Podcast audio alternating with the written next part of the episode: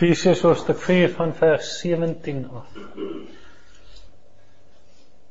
Dit sê en betuig ek dan in die Here dat julle nie meer moet wandel soos die ander heidene ook wandel in die verdwaasheid van hulle gemoed nie. Mense wat verduisterd is in die verstand en vervreemd van die lewe van God deur die onkunde wat in hulle is vanweë die verharding van hulle hart wat ongevoelig geword het en hulle oorgegee het aan die ongebondenheid om in hebsug allerhande onreinheid te bedrywe. Maar julle het Christus nie so leer ken nie. As julle ten minste van hom gehoor het en in hom onderrig is soos die waarheid is in Jesus dat julle wat die vorige lewenswandel betref die ou mens moet aflê wat deur die begeerlikhede van die verleiding te gronde gaan en dat julle vernuwe moet word in die gees van julle gemoed. En julle met die nuwe mens moet beklee wat na God geskape is in ware geregtigheid en heiligheid. Daarom lê die leuen af en spreek die waarheid elkeen met sy naaste want ons is mekaar se lede. Word tonig en moenie sondig nie. Laat die son nie ondergaan oor julle toorn nie en gee aan die duiwel geen plek nie Laat die een wat steel nie meer steel nie, maar laat hom liewer arbei deur met sy hande te werk wat goed is, sodat hy iets kan hê om mee te deel aan die een wat gebrek het. Laat daar geen vuil woord uit jou mond uitgaan nie, maar net 'n woord wat goed is vir die nodige stigting, sodat dit genade kan gee aan die wat dit hoor. En bedurf die Heilige Gees van God nie, deur wie jy verseël is tot die dag van verlossing alle bitterheid en woede en toorn en geskreeu en lastering moet van julle verwyder word saam met alle boosheid. Maar wees vriendelik en vol ontferming teenoor mekaar. Vergeef mekaar soos God ook in Christus julle vergewe het.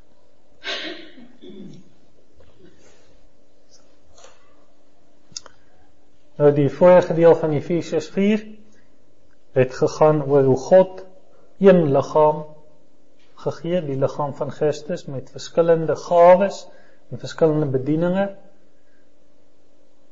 sodat die liggaam opgebou kan word en toegerus kan word om in alle opsigte soos Christus te word en vir Christus te verheerlik.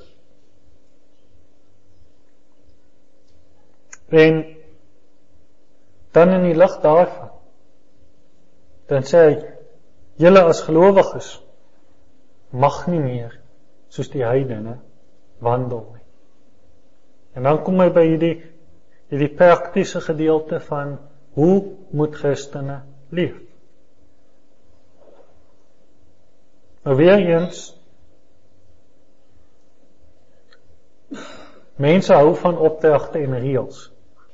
Baie mense sal gou-gou na sulke soort gedeeltes toe kom en sê ja, dis wonderlik. Kyk, so moet ons leef. Moenie lieg nie, moenie steel nie. Mense hou van reëls. Maar ons moet onthou alles wat hier geskryf is, is geskryf in die konteks van dit wat van tevore gekom het.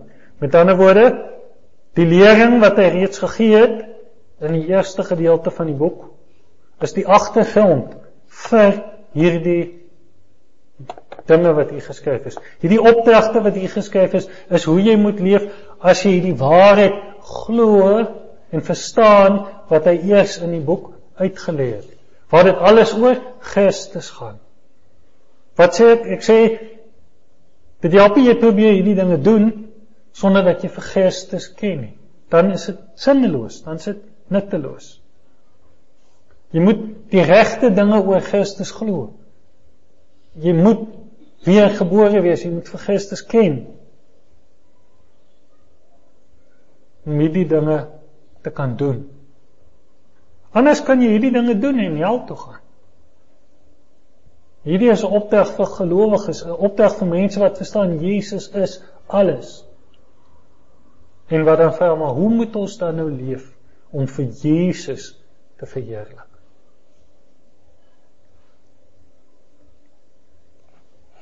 Hy sê in vers 17: Dit sê en betuig ek dan in die Here. So hy's baie ernstig hieroor. dat julle nie meer moet wandel soos die ander heidene ook wandel in die verdwaasheid van hulle gemoed nie. So hy sê vir hierdie Efesiërs, hulle was ook heidene. Hulle was nie Jode nie. Hy sê julle moet nie meer wandel soos die ander heidene nie. Met ander woorde, nou dat julle wat heidene is, ges na Christus toe gekom het, moet julle nie meer soos die ander heidene leef nie. Maar let op.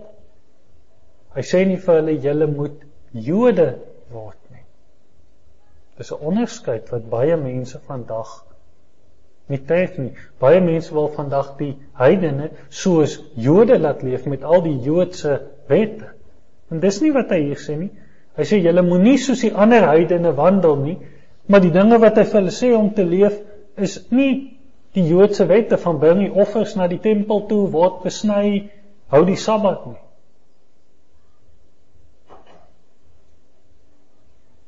Dis ander dinge en let daarop. Maar goed.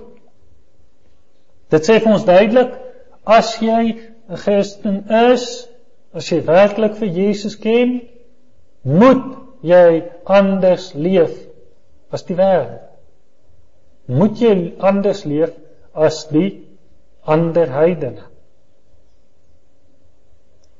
Volgende ding, hierdie gedeelte sê vir ons die toestand van die heidene. Die toestand van die mense sonder Christus is verskriklik. Kyk wat sê hy. Hy sê dat jy nie meer moet wandel soos die ander heidene ook wandel in die verdwaasheid van hulle gemoed nie. Mense wat verduisterd is in die verstand en vervreemd van die lewe van God deur die onkunde wat in hulle is vanweë die verharding van hulle hart wat ongevoelig gehad het en geword het en hulle oorgegee het aan die ongebondenheid om en hepsig allerlei onreinheid te bedrywe. Wat 'n toestand. En dit is die verklaring vir wat ons hier rondom ons sien. Net hier as jy hier uitstap, as jy kyk hoe dit lyk vandag en Vrydag en Saterdag en eintlik maar elke dag van die week, as jy kyk hoe dit hier rondom jou gaan, dan kan jy hierso sien hoekom dit so lyk. Hier is die verduideliking, die verklaring vir die toestand van Porterwal. Die toestand van enige plek waar mense nie die Here dien nie. Hy sê in die eerste plek in vers 17 die heidene is verdwaas in hulle gemoed. Met ander woorde, hulle is dwaase. Hulle dink soos dwaase. Hulle het dom geword in hulle gedagtes. Hulle dink nie reg nie. Hulle reken nie dit wat regtig kosbaar is as kosbaar nie. Hulle reken nie dit wat waardevol is regtig as waardevol nie. Vir hulle is dinge wat in God se oë waardeloos is, dit het vir hulle waardevol geraak. Dinge wat in God se oë verkeerd is, het vir hulle reg geword. Hulle het heeltemal verdryf geword in hulle gedagtes. Nou dit beteken nie hulle is almal dom nie. Dit beteken nie hulle is almal sonder intelligensie nie. Daar is baie slimhede, né? Daar's mense wat wat groot dinge bereik, wonderlike uitvindings maak. Daar is mense wat op die oog af baie wys is. Hulle weet hoe om wys met geld te werk. Hulle weet hoe om wyse beleggings te maak en en baie geld bymekaar te maak. Hulle weet hoe om wys met mense op te tree om te kry wat hulle wil hê. Hulle lyk of hulle baie wysheid het. Maar dis alles die duiwelse wysheid waarvan Jesaja ag waarvan Jakobus 3 praat, wêreldse wysheid en duiwelse wysheid wat sal verbygaan. Wysheid wat net goed is vir hierdie wêreld en die dinge van hierdie wêreld. Maar oor die dinge wat regtig saak maak, het hulle nie antwoorde nie. Dink hulle heel verkeerd. Hulle dink byvoorbeeld in ons land Almal gaan 'n vrede saamleef as ons net van God ontslaa raak en sê elkeen kan maar glo wat hy wil. Die mense dink, o, as ons net van God kan ontslaa raak en en van hierdie wette en hierdie reëls en moenie so maak, moenie so maak. As ons net daarvan kan ontslaa raak, dan kan ons almal maak soos ons wil, dan kan ons gelukkig wees, dan kan ons ons eie begeertes uitleef en dan dan kan ons lekker 'n uh, gelukkige, vrolike tyd hê. En wat is die gevolge daarvan? O, oh, mense maak dood, hulle steel, hulle hoereer, hulle doen skade aan ander mense. O, maar dis nie wat ons beplan het nie, maar dis wat gebeur. Waarvoor die heidene nog verdwaas is, is hulle eie sonde en die heiligheid van God. Jy sien totdat God jou oë oopmaak, dink jy ek is 'n goeie mens. Op 'n of ander manier sal hom vir my 'n plek in die hemel wees. Maar die van julle wat gered is, kan dit tog getuig saam met my. As die Here 'n mens kom red het, as sy gees met jou begin werk, dan begin jy besef, o, oh, my sonde is baie erger as wat ek gedink het. O, oh, ek is verlore, ek is hopeloos. En dan verstaan jy, net God kan my red. Dan verstaan jy daar's nie 'n manier wat ek myself na God toe kan opwerk nie. Kyk hoe gaan die heidene aan, die heidene dink, man ek brand wierook voor 'n houtbeeld, dan gaan ek gered word. Of ek bid tot voorvader geeste, dan gaan dit met my goed gaan. En kyk maar, soveel van die godsdiens van die heidene is ook net vir hierdie wêreld. Dit is net ek dien my gode sodat dit hier met my kan goed gaan. Dis hoekom die mense gode van vrugbaarheid gehad het en van allerlei ander dinge, gode van voorspoed en en waar jy ook al kan dink. Eintlik was het hulle ook maar net hulle gode gedien sodat dit met hulle kan goed gaan. En dis hoe die mens is heeltemal verdry. Dink dit gaan alles oor my. Dink dit gaan alles oor hierdie wêreld. Besef nooit maar alles draai eintlik rondom die heilige God nie. Besef nooit ouma hierdie heilige God is my teestander as ek in die sonde bly. En hulle besef nooit maar net hierdie heilige God kan my sonde wegvat. Al hierdie goed is is vir hulle dwaasheid. Hulle het heel die mekaar geraak. Hulle dink heel verkeerd rondom die goed. En dit sê die Bybel van jou as jy nie God se waarheid in die evangelie aanvaar nie, as jy nie na Christus toe kom nie, is jy dwaas.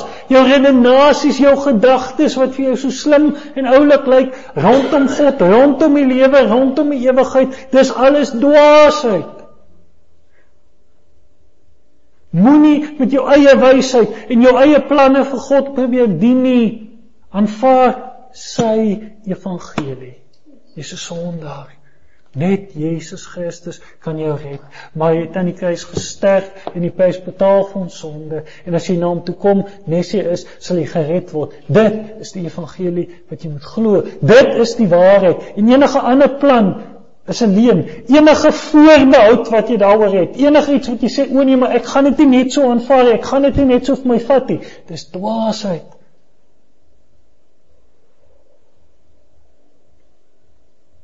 So moenie op jou eie wysheid reken nie want dis dwaasheid.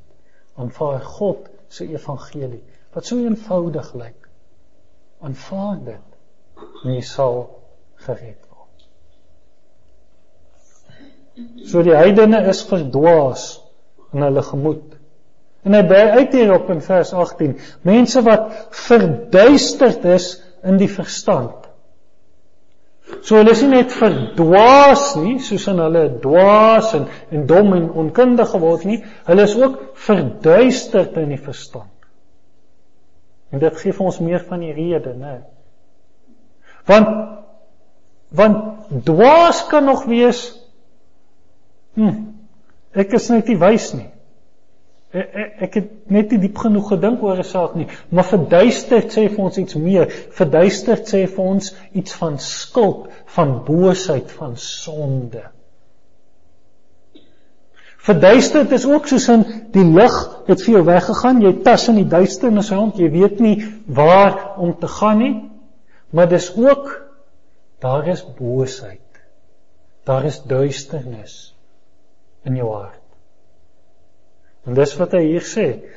Die heidene is verduisterd in die verstand. So hulle het nie die lig van God nie, hulle het nie die waarheid van God nie, maar nie net dit nie, hulle hardloop eintlik weg vir die lig en die waarheid. Hulle hardloop na die duisternis toe. Dis soos Johannes 3:19 sê, die lig het in die waar dit is die oordeel dat die lig in die wêreld ingekom het. En die mense die duisternis liewer gehad as die lig omdat hulle werke boos was. Want elkeen wat die kwaad doen haat die lig. En kom nie na die lig nie dat sy werke nie geopen of bestraf mag word nie. So die heidene hardloop weg vir God se lig. Hulle het die dinge van die duisternis lief. Hulle het die slegte dinge lief die bose dinge lief. Daar boosheid en duisternis in hulle verstand ingekom En nou dink hulle duisternis is goed. Mense Die jong mense van vandag en nie net jong mense nie, ek ken intelligente mense, opgevoede mense, mense met hoë salarisse en goeie werke wat dink, hey, speletjies waarin jy ander mense doodskiet en doodkap en die bloed spat en die en dis net moorddadig en morsig, hulle dink is oulik, is lekker.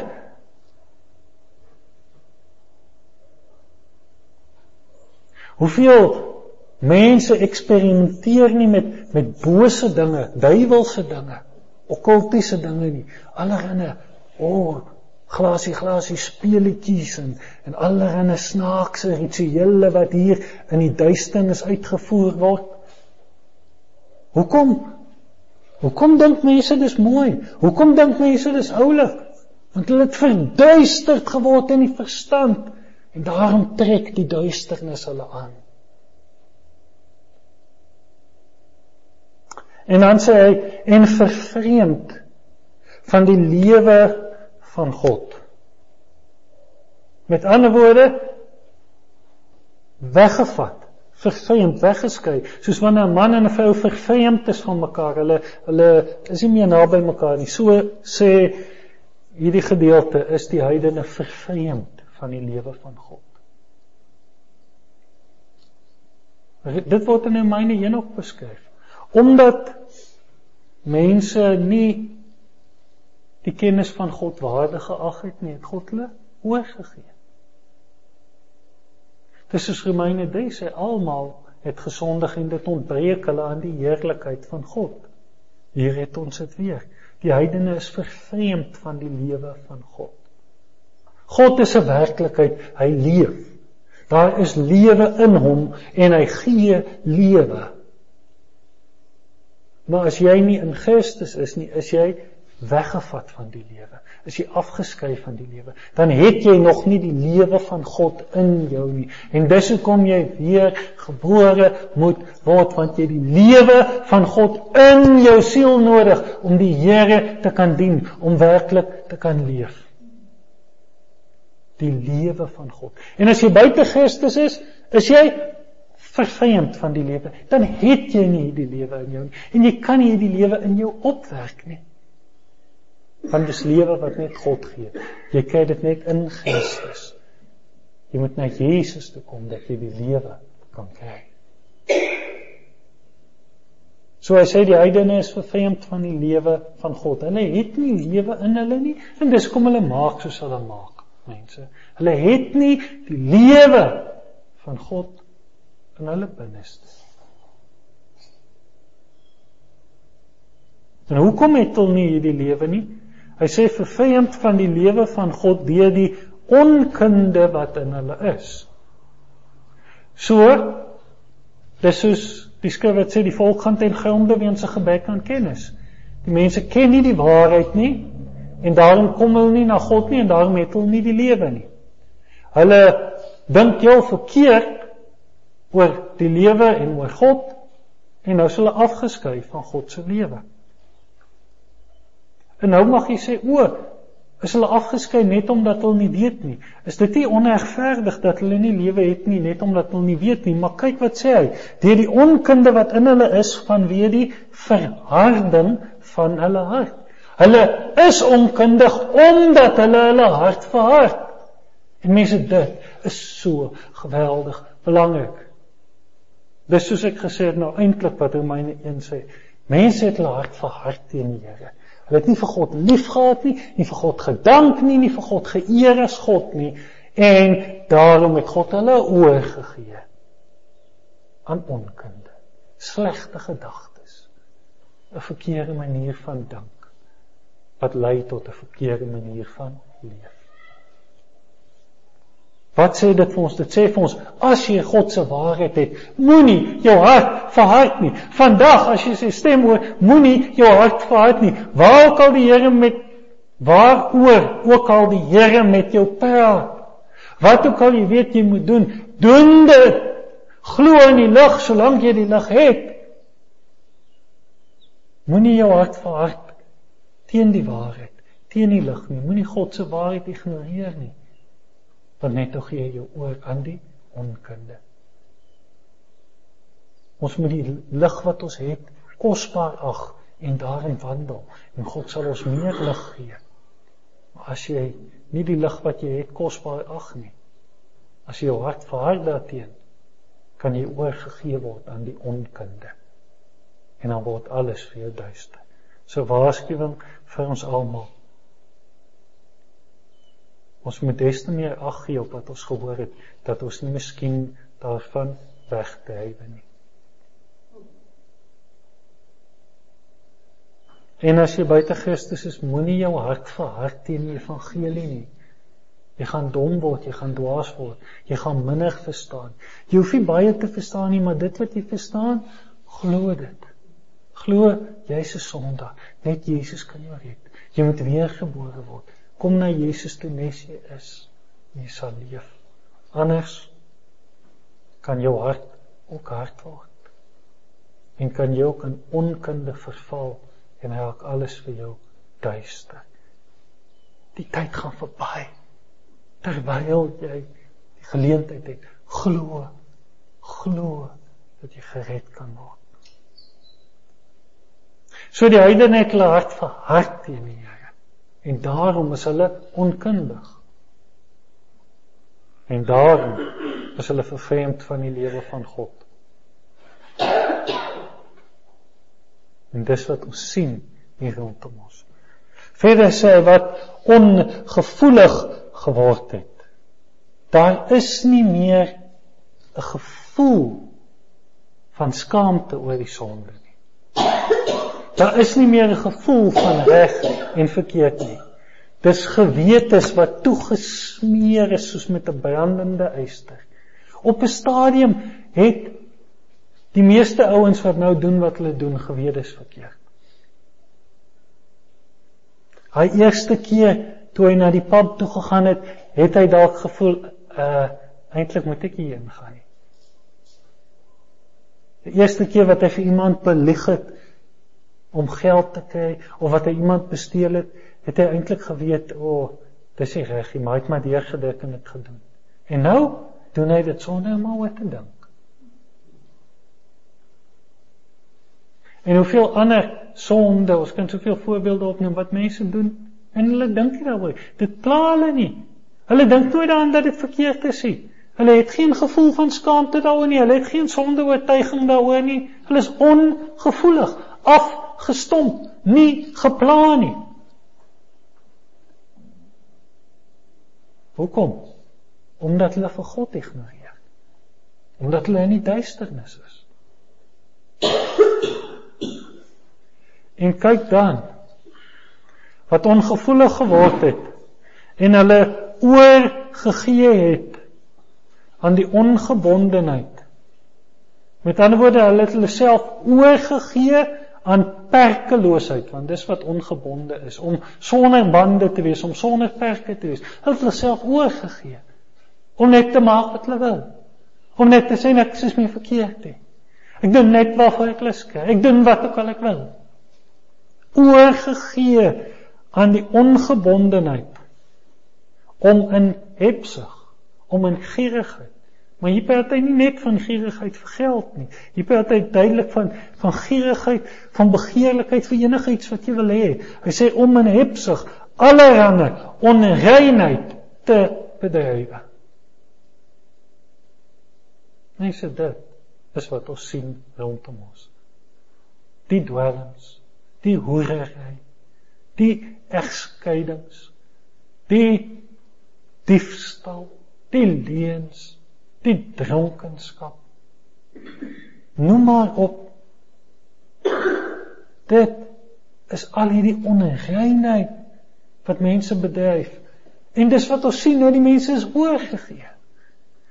Hulle kan net nie meer hoor nie, hulle is net nie meer gepla. Hulle doen net soos soos redelose diere wat die skrif op 'n ander plek sê. Wat maar net hulle begeertes en hulle drange uitleef.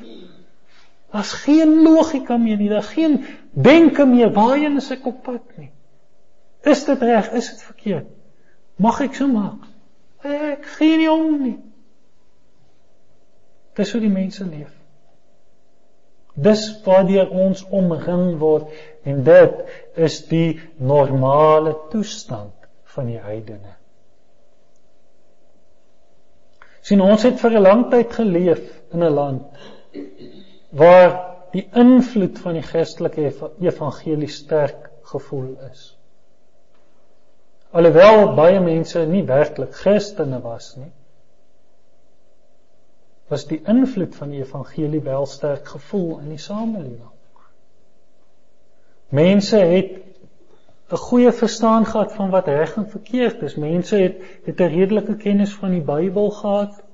Mense het 'n idee gehad van wat is die Christelike manier om te leef en dis goed om so te leef en en dit het gemaak dat mense hulle beter gedra het as wat hulle eintlik in hulle harte was. Ons het vir 'n lang tyd selfs gery op die gevolge van die herlewings wat Suid-Afrika beleef het. En in 'n tyd toe mense toe daar mense was vir die Here geken het en gedien het en en en streng reëls vir die gemeenskap gemaak het. Ons het soort van vir 'n lang tyd op die golf daarvan gery. Maar daai historiese momentum, daai momentum uit dit wat was het weggeraak. En nou sien ons al hoe meer dat die mense lewe soos wat ons hier sien. Soos regte heidene, want dit is presies wat hulle is. So as ons dit sien aan die een kant moet ons nie geskok wees nie. Ons moet verstaan dit is hoe heidene leef. En ons weet hoekom hulle so leef. Die leiers, die slim mense, die geleerdes van hierdie wêreld het nie antwoorde nie. Kom, ons maak die skoolstelsel beter. Kom ons maak die armoede probleem beter. Kom ons gee beter opvoeding. Kom ons raak ontslaaf van die dopstelsel en en allerlei ander goed. En en hulle het gedink as ons dit doen, dan gaan dit beter gaan. Maar julle sal dit seker beter weet as ek. Die samelewing het nie in die afgelope 15 jaar beter geword nie. Die toestand hier rond het nie beter geword nie. Die mense drink meer. Die mense is meer oorgegee aan die dwelms en aan die onreinheid as van tevore. Hoekom?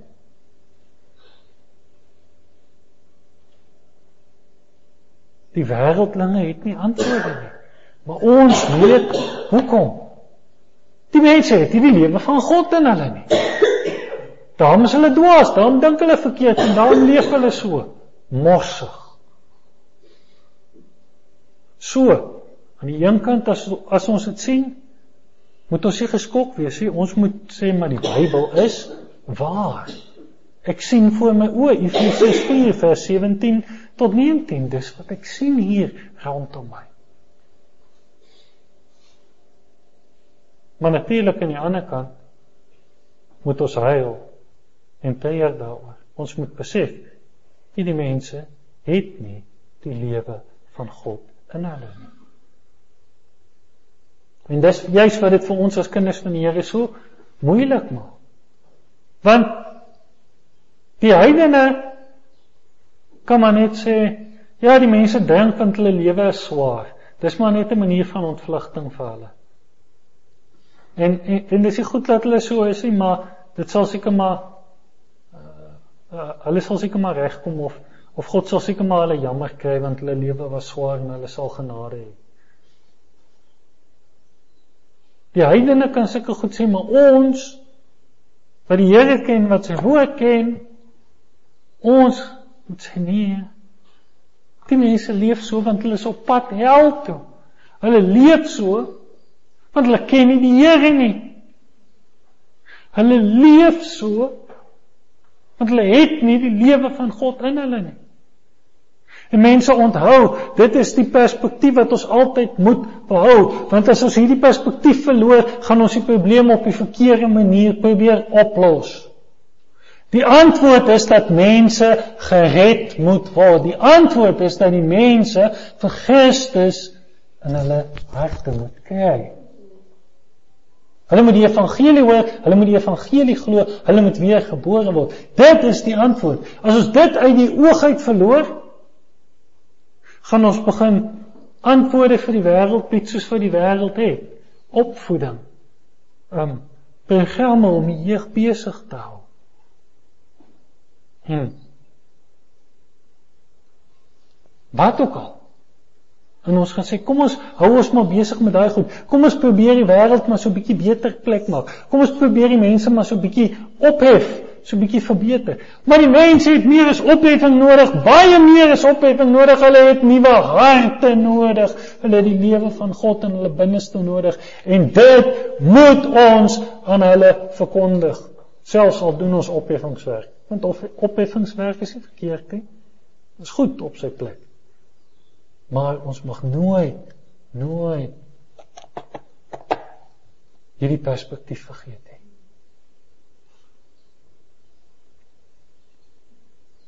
Nou Paulus se opdrag aan hierdie ouens is aan hierdie gelowiges moenie soos die heidene leef nie. Hy sê in vers 20 maar julle het Christus nie so leer ken nie. Met ander woorde, julle weet Christus is nie so nie. En mense, wat 'n kragtige manier wat hy hier vir hierdie ouens skryf. Want hy sê nie vir hulle iets van 'n mens, van apostels, van sulke goed nie. Hy sê vir hulle magistes is hy so nie. En onmiddellik sê dit vir ons. Die Christen se rolmodel is nie mense nie, maar Jesus Christus. Vergeet hierdie twak van gee vir die jeug oulike Christelike rolmodelle. Ja, en dan na 10 jaar dan vind jy uit die rolmodel is met dwelms besig of pornografie en dan o, weer, dan is die arme jeug nou weer teleurgestel. Paulus gee nie vir hierdie mense allerlei rolmodelle, Christelike rolmodelle om na te kyk nie. Hy sê vir hulle: "Julle het nie Christus so leer ken nie." Met ander woorde, maak nie saak hoe die heidene leef nie. Maak nie saak wat die heidene doen nie. Jy kan nie jouself jammer ken nie. Jy kan nie verskonings maak van ons is maar so en dit gaan maar so in my samelewing nie. Christus is nie so nie en Christus is die een soos wie jy moet leef. As jy vir Christus ken.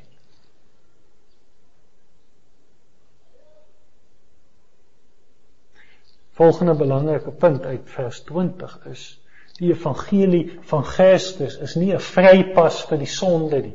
Met ander woorde, die evangelie van genade, van redding net deur die geloof, lei nie daartoe dat mense leef soos hulle wil nie.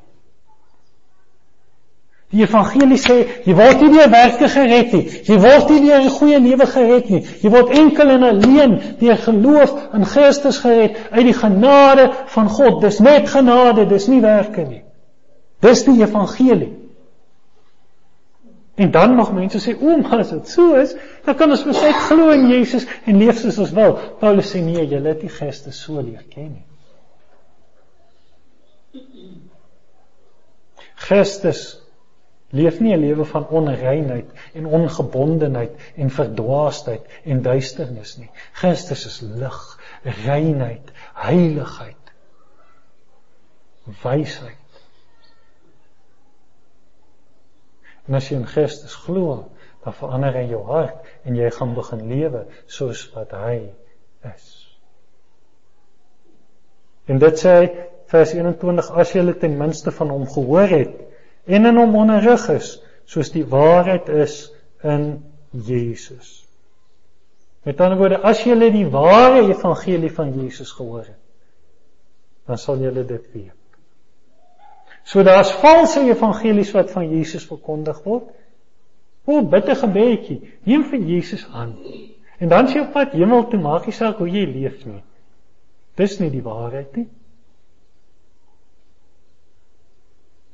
Die waarheid is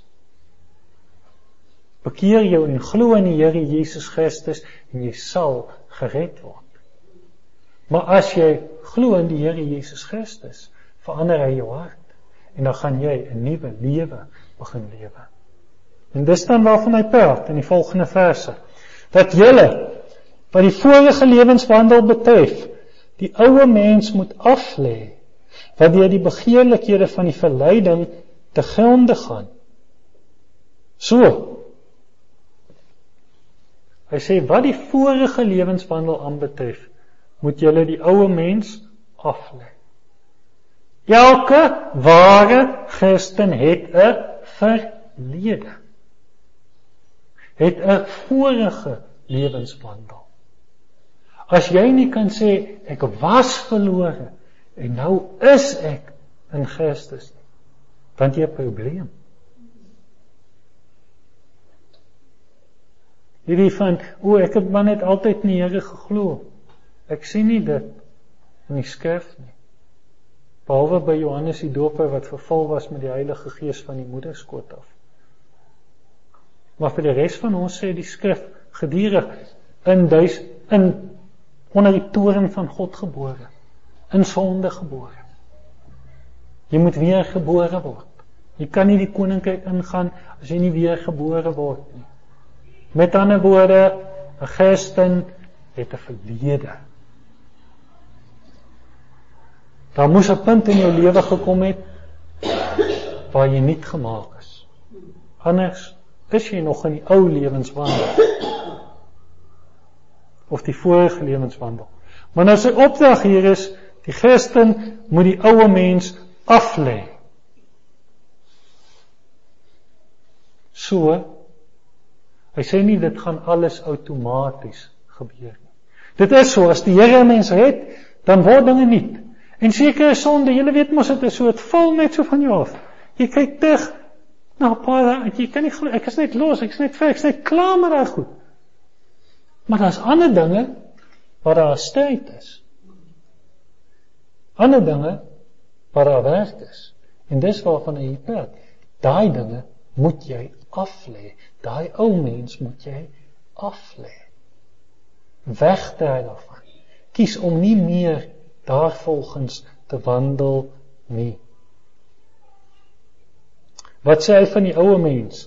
Die ou mens gaan deur die begeerlikhede van die verleiding te gronde.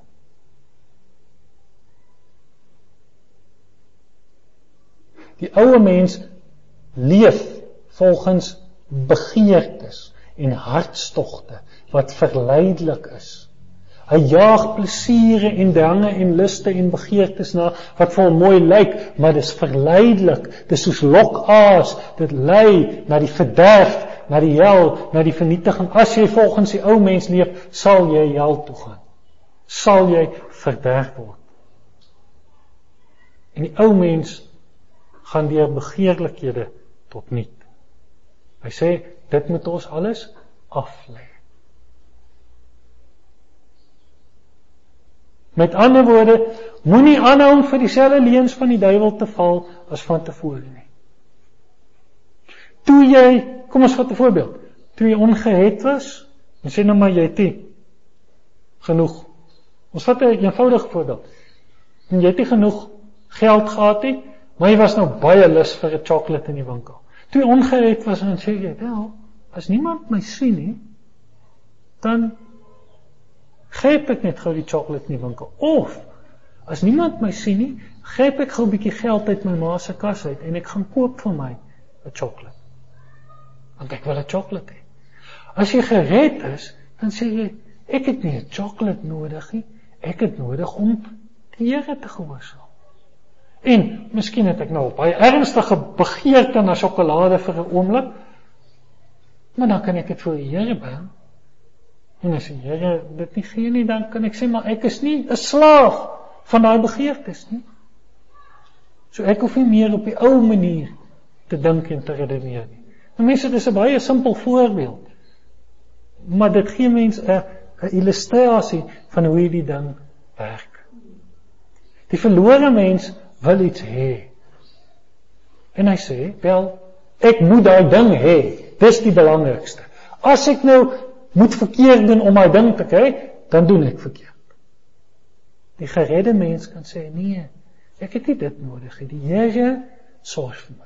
Die Here is goed vir my. Die Here weet wat ek nodig het. Ek hoef nie die verkeerde pad te loop om iets te kry wat ek wil hê nie. Ek kan op die Here vertrou en wat ook al die Here vir my gee, is goed." En dit gaan nie net oor besittings nie, dit gaan oor begeertes. Dit gaan oor drang, dit gaan oor luste. Die ou mens het begeertes en hy sê ek wil net uitleef. Maar deur hy begeertes uit te leef, gaan hy ten gronde, gaan hy na die verderf, gaan hy na die hel. Die nuwe mens het 'n beter beginsel. Hy het die Here om voor te leef het iemand op wie hy kan vertel. Hy het 'n rolmodel Christus wie hy moet navolg. Hy hoef nie meer soos die ou mens te leef nie. So vers 22 praat van 'n leegmaak, 'n aflê, 'n uittrek. Hy sê dat jy die ou mens moet aflê. Kan net sowel sê dat jy die ou mens moet uittrek. En vers 23 dat jy vernuwe moet word in die gees van julle gemoed en vers 24 en julle met die nuwe mens moet bekleë wat na God geskape is in ware geregtigheid en heiligheid. So, hy sê twee dinge. Jou ver, jou gemoed, jou verstand moet vernuwe word en jy moet jou met die nuwe mens bekleë. So jy moet anders begin dink en jy moet die nuwe mens aantrek. So daar was 'n leegmaak in vers 23. Ag vers 22, die aflê van die ou mens En dan vers 24 en jou bekleë met die nuwe mens. So in plaas van om te maak soos die ou mens wou gemaak het, maak nou soos die nuwe mens wil maak. Dit help nie as 'n mens teen die sonde veg om net te sê ek moenie dit doen nie. Jy moet sê wat moet ek doen? Dit help jy sit daar voor die televisie en jy kyk na pornografie basies en jy sê o, ek moenie hierdie begeertes aan my kry wat ek besig is om te kry terwyl ek hierna kyk. O, hoe meer ek dink ek moenie hierdie begeertes kry nie, hoe meer kyk ek hierdie begeertes. Wat moet ek doen? Sê die TV af of nog beter gooi hom sommer by die deur uit. Of nog beter verkoop hom en gee die geld vir sending. Hey, daar's 'n goeie plan. Ehm um, Wat staan? Dis nie net van ek moenie die verkeerde doen nie, dit is ek moet die regte doen. Dis nie net ek moet wegbly van sekere goed nie. Nee, daar's sekere goed wat God wil hê ek moet doen. Daar's 'n nuwe mens, daar's goeie werke wat God vir my voorberei het om in te wandel. Dis wat ek moet doen. Ek moet my lewe volmaak van die goeie. Dis nie net ek moet die slegte uit my lewe verwyder nie, ek moet my lewe volmaak van waarheid en geregtigheid. Ek moet die pad bewandel wat God wil hê ek moet bewandel. Dis nie net 'n negatiewe ding nie, dis eers 'n negatiewe, raak ontslaaf van die ou, maar dan trek die nuwe mens aan. Vul jou lewe met die wil van God. Nou aan die een kant het ons gesê dis werk. Hier's 'n opdrag, dis iets wat jy moet doen. Dis dis keuses wat jy moet maak, besluite wat jy moet maak, gedagteveranderinge wat jy moet ondergaan. Dis werk, jy moet dit doen. Jy kan nie net verwag dit moet outomaties gebeur nie. Dis 'n opdrag. Jy moet dit doen. Maar terselfdertyd is dit net sekere mense wat dit kan doen. En dis die mense wat 'n nuwe mens is. Jy kan nie die nuwe mens aantrek as jy nie 'n nuwe mens is nie. Dan is jy net 'n ou mens, daar is geen nuwe mens vir jou om aan te trek nie. Jy moet eers 'n nuwe mens gemaak word. Jy moet eers gered word voordat jy hierdie opdragte kan uitvoer. Christus moet jou eers nuut maak sodat jy die nuwe mens kan aantrek. En nou weer vir die gelowiges. Hier is 'n wonderlike stuk bemoediging in, want hy sê nie vir ons om iets te doen wat ons nie kan doen nie. Hy sê nie vir ons om iets te wees wat jy nie is nie. Hy sê nie vir jou om 'n rol te speel, om 'n akteur te word nie. Dis die laaste ding wat hy wil hê. Hy wil hê jy moet skyn heilig word nie. Hy sê God het jou nuut gemaak in Christus trek daai nuwe mens aan. Kom leef dit ten volle uit wat God in jou hart bewerk het. Laat sy evangelie jou hele manier van dink verander. Laat jou hele manier van lewe in ooreenstemming kom met die waarheid wat jy glo. Kom leef uit wie die Here jou in Christus gemaak het. Vir mense ek beklemtoon, hy roep ons nie om iets te doen wat onmoontlik is nie. Dis onmoontlik vir die ou mens, dis onmoontlik wanneer jy dit in jou eie krag doen, maar as jy in Christus is, as jy op die Here vertrou, dan kan jy dit doen. Dan kan jy die nuwe mens aantrek. Doen dit dan. Moenie aan ongeloof sê, "O, oh, ek is maar ek gaan maar die res van my lewe hiermee sukkel." Dis nie wat hier staan nie. Hier staan, "Trek hy ou goed uit." trek die nuwe mens aan. Miskien moet jy bietjie meer gaan dink oor hoe moet ek hierdie ou ding uittrek? Hoe hoe moet ek nuut word in hierdie opsig? Miskien moet jy bietjie meer gaan dink daaroor. Meer gaan bid daaroor, meer gaan soek vir 'n antwoord. Nie net in die krisistyd gou 'n bietjie bid en dan nou maar weer aangaan tot die volgende mislukking kom nie. Miskien moet jy meer gaan dink en meer gaan bid daaroor. Maar vertrou op die Here. Daar is groei, daar is verandering, daar's gehoorsaamheid, daar's oorwinning in Jesus. Want hierdie nuwe mens is na God geskape in ware geregtigheid en heiligheid. Die nuwe mens wat God ons gemaak het in Christus is deur God geskape. Dis 'n nuwe skepsel.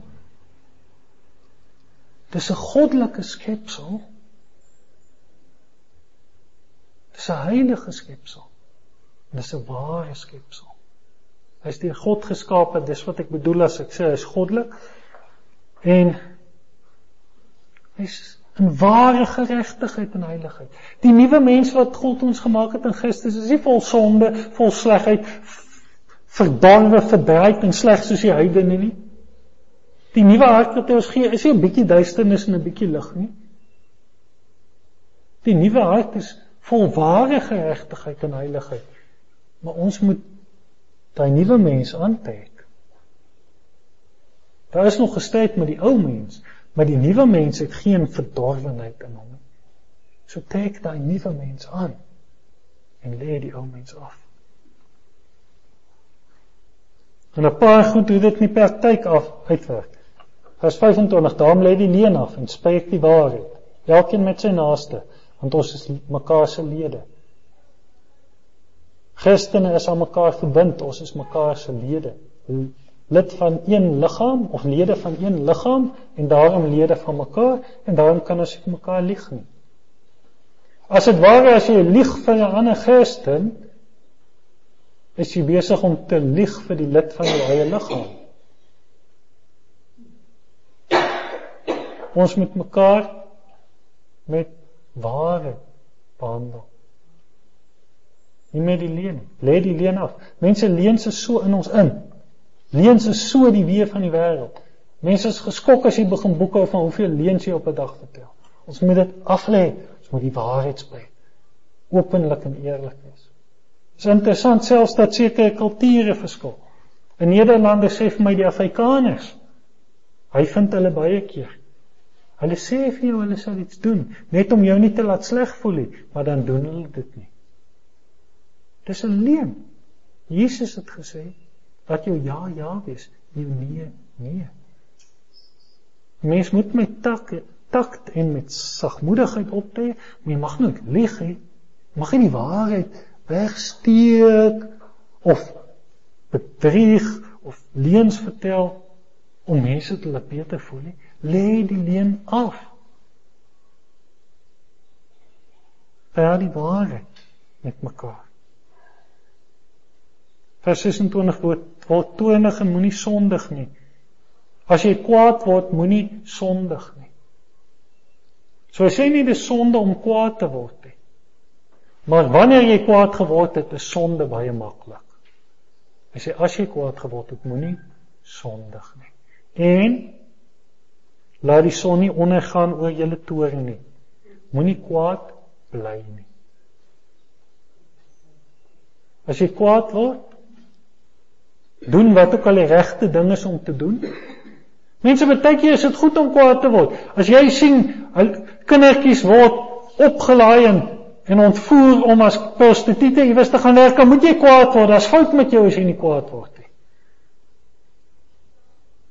Maar wat gaan jy doen in daai toren? Gaan jy die regte ding doen?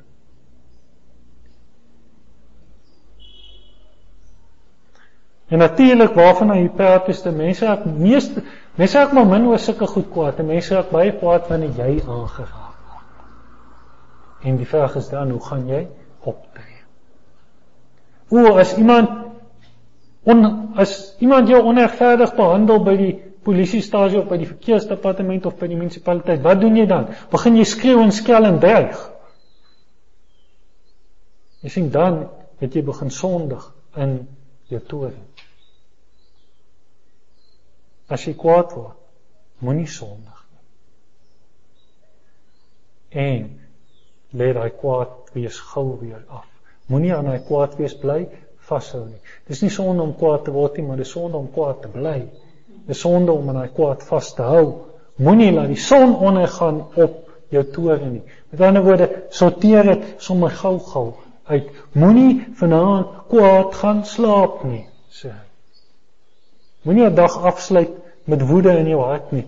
Sorteer hy goed uit met die Here voor jy gaan slaap. Let op vers 27 en gee aan die duiwel geen plek nie. As jy aan woede vashou, as jy kwaad gaan slaap, as jy die son laat ondergaan oor jou toren, gee jy aan die duiwel 'n vatplek. Woede wat 'n mens nie wil neerlê nie, gee aan die duiwel 'n vatplek. Lê dit neer. Lê die toren neer. Dan sê die een wat steel, moenie meer steel nie.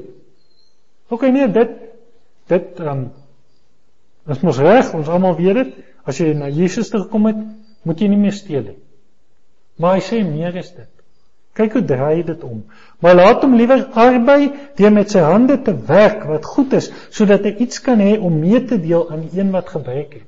Sien dit is die ou mens aflê en die nuwe mens aantrek. Die ou mens aflê is moenie meer steel nie. Maar die nuwe mens aantrek is werk met jou hande. Nie net dat jy vir jouself kan sorg nie, maar ook dat jy ander kan help. sien 'n hele nuwe manier van dink. Mense, hier's 'n dief. Hy steel net want hy's miskien te lui om te werk of wat. Nou kom hy tot bekering. Nou sê hy, ek moet ophou steel. Maar nie net ek moet ophou steel, ek moet te werk kry nie net dat ek vir myself kan sorg, maar dat ek armes kan help. Mense dis 'n omkeer, dis 'n nuwe mens. En hy sê dis wat ons moet doen. Dan vers 29 duidelik genoeg, laat daar geen vuil woord uit julle mond uitgaan nie. So 'n Christen mag nie vloek nie. Daar is nou nie 'n twyfel daaroor nie. Die skrif is duidelik, geen vuil woord nie. Geen vloektaal nie. Maar vuil woorde is ook laster en skinde. Vuil woorde is nie noodwendig 'n vloekwoord nie. Dit kan in ordentlike woorde gesê word, maar dit kan op 'n manier gesê word met 'n doel gesê word wat vuil is. Laat daar geen vuil woord uit jou mond uitgaan nie, maar net 'n woord wat goed is vir die nodige stigting sodat dit genade kan gee aan die wat dit hoor. Partykeer is dit nodig om harde woorde te gebruik. Partykeer is dit nodig om baie ernstig en byna woedend met mense te praat. Maar altyd maar altyd moet die woorde wat jy spreek goed wees vir die nodige stigting sodat dit genade kan gee aan die wat dit hoor. So eintlik, elke woord wat jy spreek, elke ding wat jy wil sê, moet jy oordink. Is dit nodig vir stigting dat ek hierdie dinge sê? Gaan dit genade gee aan die mense wat dit hoor? En dan sien 'n mens net, dis hoekom jy kan gaan na mense wat in sonde leef en hulle skerp teregwys, want dis wat hulle nodig het om tot bekering te kom. Maar daar's baie ander woorde wat jy spreek wat jy kan besef. O, maar dit dis nie nodig vir mense se stigting nie. Dit gee nie genade aan die hoorders nie. Jy wil iets vertel wat iemand anders gedoen het. Die ou wat jy hoor, gaan dit hom help? Gaan dit hom stig? Gaan dit hom opbou? Gaan dit hom genade gee? Of as daai persoon gehoor het jy het vertel van wat hy gedoen het, gaan daai persoon bemoedig word? Gaan dit vir daai persoon genade gee? Of gaan daai persoon sê, "O, die Christen is kinders so baie." Mense, ons moet ons woorde baie mooi oppas. Raak ontslaaf van alle vuil woorde, alle slegte woorde, alle vloekwoorde, Gooi dit weg. Moenie laat dit by jou mond uitkom nie. Inteendeel daarmee praat woorde wat opbou. Wat mense stig. Woorde van waarheid wat mense sal help, wat vir mense genade gee. Jou mond behoort nie aan jouself as jy 'n Christen is nie. Jy moet jou mond gebruik om ander mense te help. Dan vers 30 en bedroef nie die Heilige Gees van God nie, deur wie jy verseël is tot die dag van verlossing. Die Heilige Gees is ons seël, ons waarborg van die dag van verlossing wat kom en hy is by ons tot daai dag. Hy is ons hoop op die ewigheid, maar ons moet hom nie bedroef nie. Ons moet hom nie hartseer maak nie. Die Bybel se simbool vir die Heilige Gees se duif. Hy kan maklik bedroef word.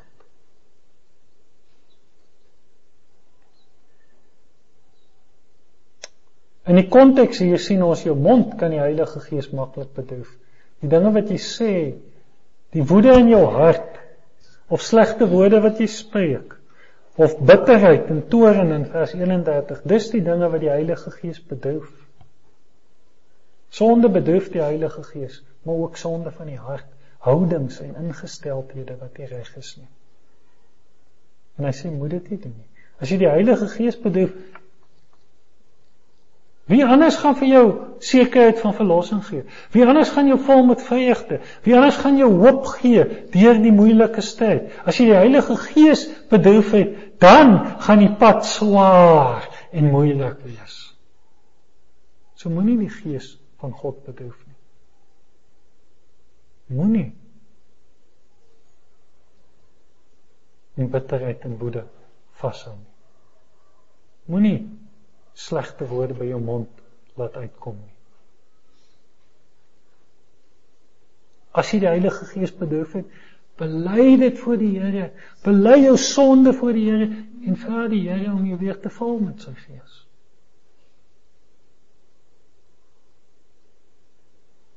Mense, waarom is dit so mooi sien daai vrou wat die boek geskryf het, uh I dare to call him father, daai moslim vrou wat 'n Christen geword het in in haar vroue wandel saam met die Here het sy dit so beleef. Sy het hierdie heerlikheid na siel gehad. En elke keer as sy sondig gaan sy heerlikheid weg. Elke keer as sy iets doen wat sy nie moes gedoen het, gaan sy heerlikheid weg. En mense wat vir ons so hartseer is is nadat 'n mens sogenaamd volwasse geword het in die Here, as jy nou al jare op pad stap saam met die Here, dan is die heerlikheid weg en, en jy sal so gewoond om sonder heerlikheid te leef dat jy maar net aangaan. Mense dis so verkeerd. Jy sien dis juist wanneer ons naby in die Here wandel, wanneer ons bewus is van die Heilige Gees, dan is jy onmiddellik bewus van jy gesondig het want die oortuiging kom want jy weet iets is nou fout. Jy sê wat is en jy bely dit voor die Here en jy gaan weer aan. Maar later dan is jy so gewoond om maar so sonder die Heilige Gees se direkte nabyheid te leef. En dan is dit maklik om meer en meer te sondig want jy is nie meer bewus dit dit pla jou nie meer jy, jy kom nie meer so gou agter iets het fout gegaan nie. So mense ons moet terugkeer na die Here en sy volheid soek. Hy sê alle bitterheid en woede en toorn en geskreeu en lastering moet van julle verwyder word saam met alle bose. So jy moenie bitter wees nie. Moenie dinge teen mense hou nie. Vergewe, spreek vry. Woede, moenie kwaad bly nie. En toorn, moenie kwaad bly nie. Ek praat nogal baie oor woede in hierdie gedeelte, né? En geskreeu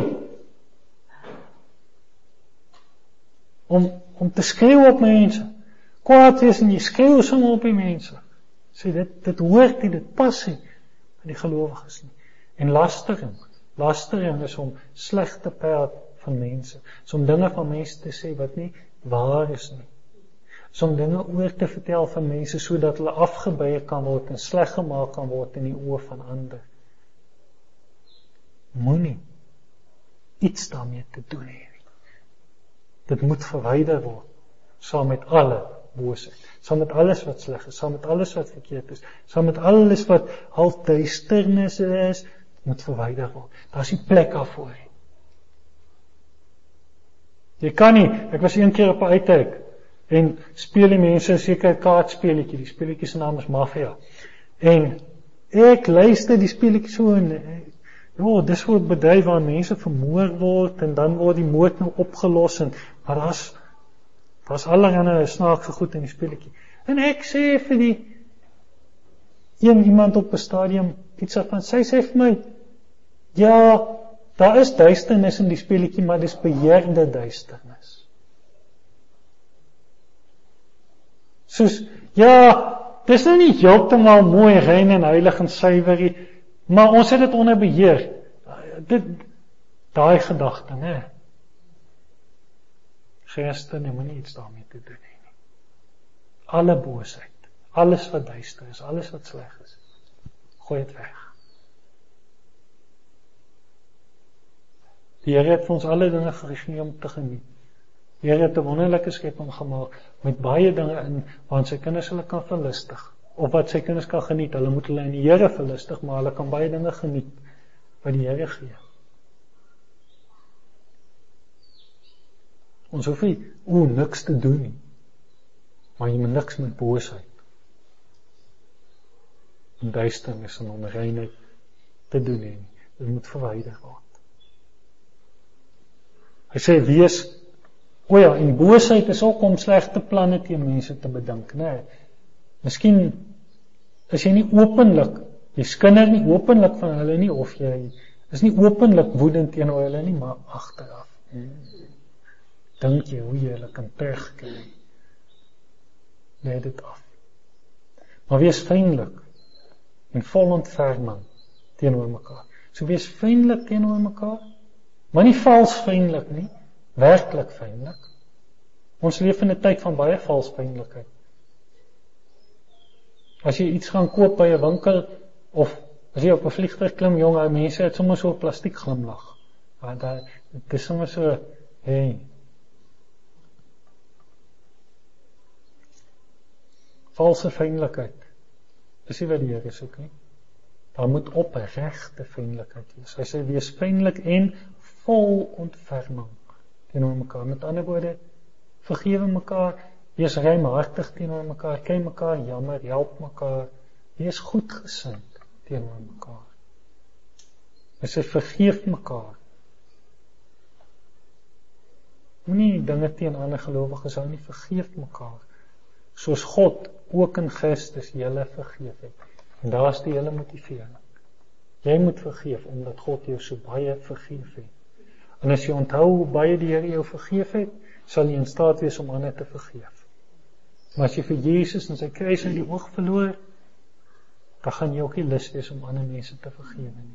Hy wat baie vergewe is, het baie lief. En hy wat min vergewe is, het min lief. Soos altyd goed om te onthou hoeveel die Here ons vergewe het. Altyd goed om in die liefde van Christus te bly en die groot vergifnis van die Here te onthou. Want dit maak dit vir ons makliker om ander te vergeef. En die Here sê omdat hy ons vergeef het, moet ons mekaar vergeef. Ons het nie die reg om nie te vergeef aan ander mense nie. Want Christus het ons vergewe. En interessant sê die Bybel nooit jy moet jouself vergewe nie. Die Bybel het nie so 'n konsep nie, is maar 'n moderne konsep. Ek sê dit maar net, ons gaan nie nou daarin ingaan nie. So mense hier is 'n klomp praktiese opdragte vir ons om te leef. Hoe lyk dit in die praktyk? Trek jy ou mense uit en trek jy nuwe mense aan. As jy in Christus is, moenie soos die heidene wees nie. So wat sê dit vir ons?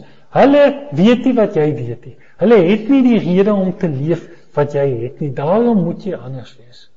Jy moet geduldig en genadig wees met hulle want hulle is gevangenes van die Satan, gevangenes van hulle eie verdorwenheid en verdraaidheid. Hulle weet op 'n sekere manier nie van beter nie. Hulle sal so verhard in die mekaar dat hulle net so aangaan. Soos met hulle jammer kry. Ons moet bid dat die Here hulle sal vry maak. Ons moet die evangelie aan hulle verkondig en by hulle pleit om hulle te bekeer en ons moet bid tot die Here vir hulle nuwe harte gee. Maar ons moet anders leef. Ons moenie soos hulle leef nie. Ons moenie op dieselfde manier reageer op wat oor ons pad kom nie. Ons moenie op dieselfde manier probeer wheel and deal and scheme en verraak neem en met al sulke goed besig wees nie. Ons moet anders leef want ons ken vir Christus. Dis nou as jy hom ken. Ons moet anders leef. Ons moet hom volg. Hy gee oorwinning. Hy het ons nuwe mense gemaak. Trek uit die ou mens. Trek uit nuwe mense aan. En as jy nie by die Here is nie, moenie langer jou hart verhard nie. Kom na Jesus toe net sê is. As jy nie verstaan nie, kom praat. As jy as jy bang is, bely dit voor die Here as jy die mekaar is, wat ook al die probleem is. Moenie uitstel nie. As daar dinge is wat jy nie wil prys gee nie, wat jy dink dis te moeilik, ek kan jou verseker daai dinge gaan in die hel brand of daai dinge gaan brand nog voor die hel, gaan brand hier op die aarde, daar gaan niks van oorbly nie en jy gaan in die hel brand as gevolg van los dit. Dit is nie moeite werd nie. Die Here is meer werd as dit alles. Jesus is vol liefde en genade. Hy vergewe, hy red, hy maak nuut. Kom na hom toe. Roep uit tot hom, bid tot hom om jou te red. Vra hom om jou 'n nuwe hart te gee. Glo in hom. Draai weg van hierdie ander dinge. Geen net alles oor aan Jesus. Jy sal gered word. En en moenie uitstel nie maak vandag. Die dag jy het al genoeg gehoor. Jy het nie nodig om nog uit te stel nie. Moenie jou hart vaat, kom na Jesus toe, Messie is dat jy kan lewe. Dis 'n saak van lewe en dood. Moenie in die duisternis bly nie. Jesus sal vir jou lig gee. Kom na hom toe. Amen.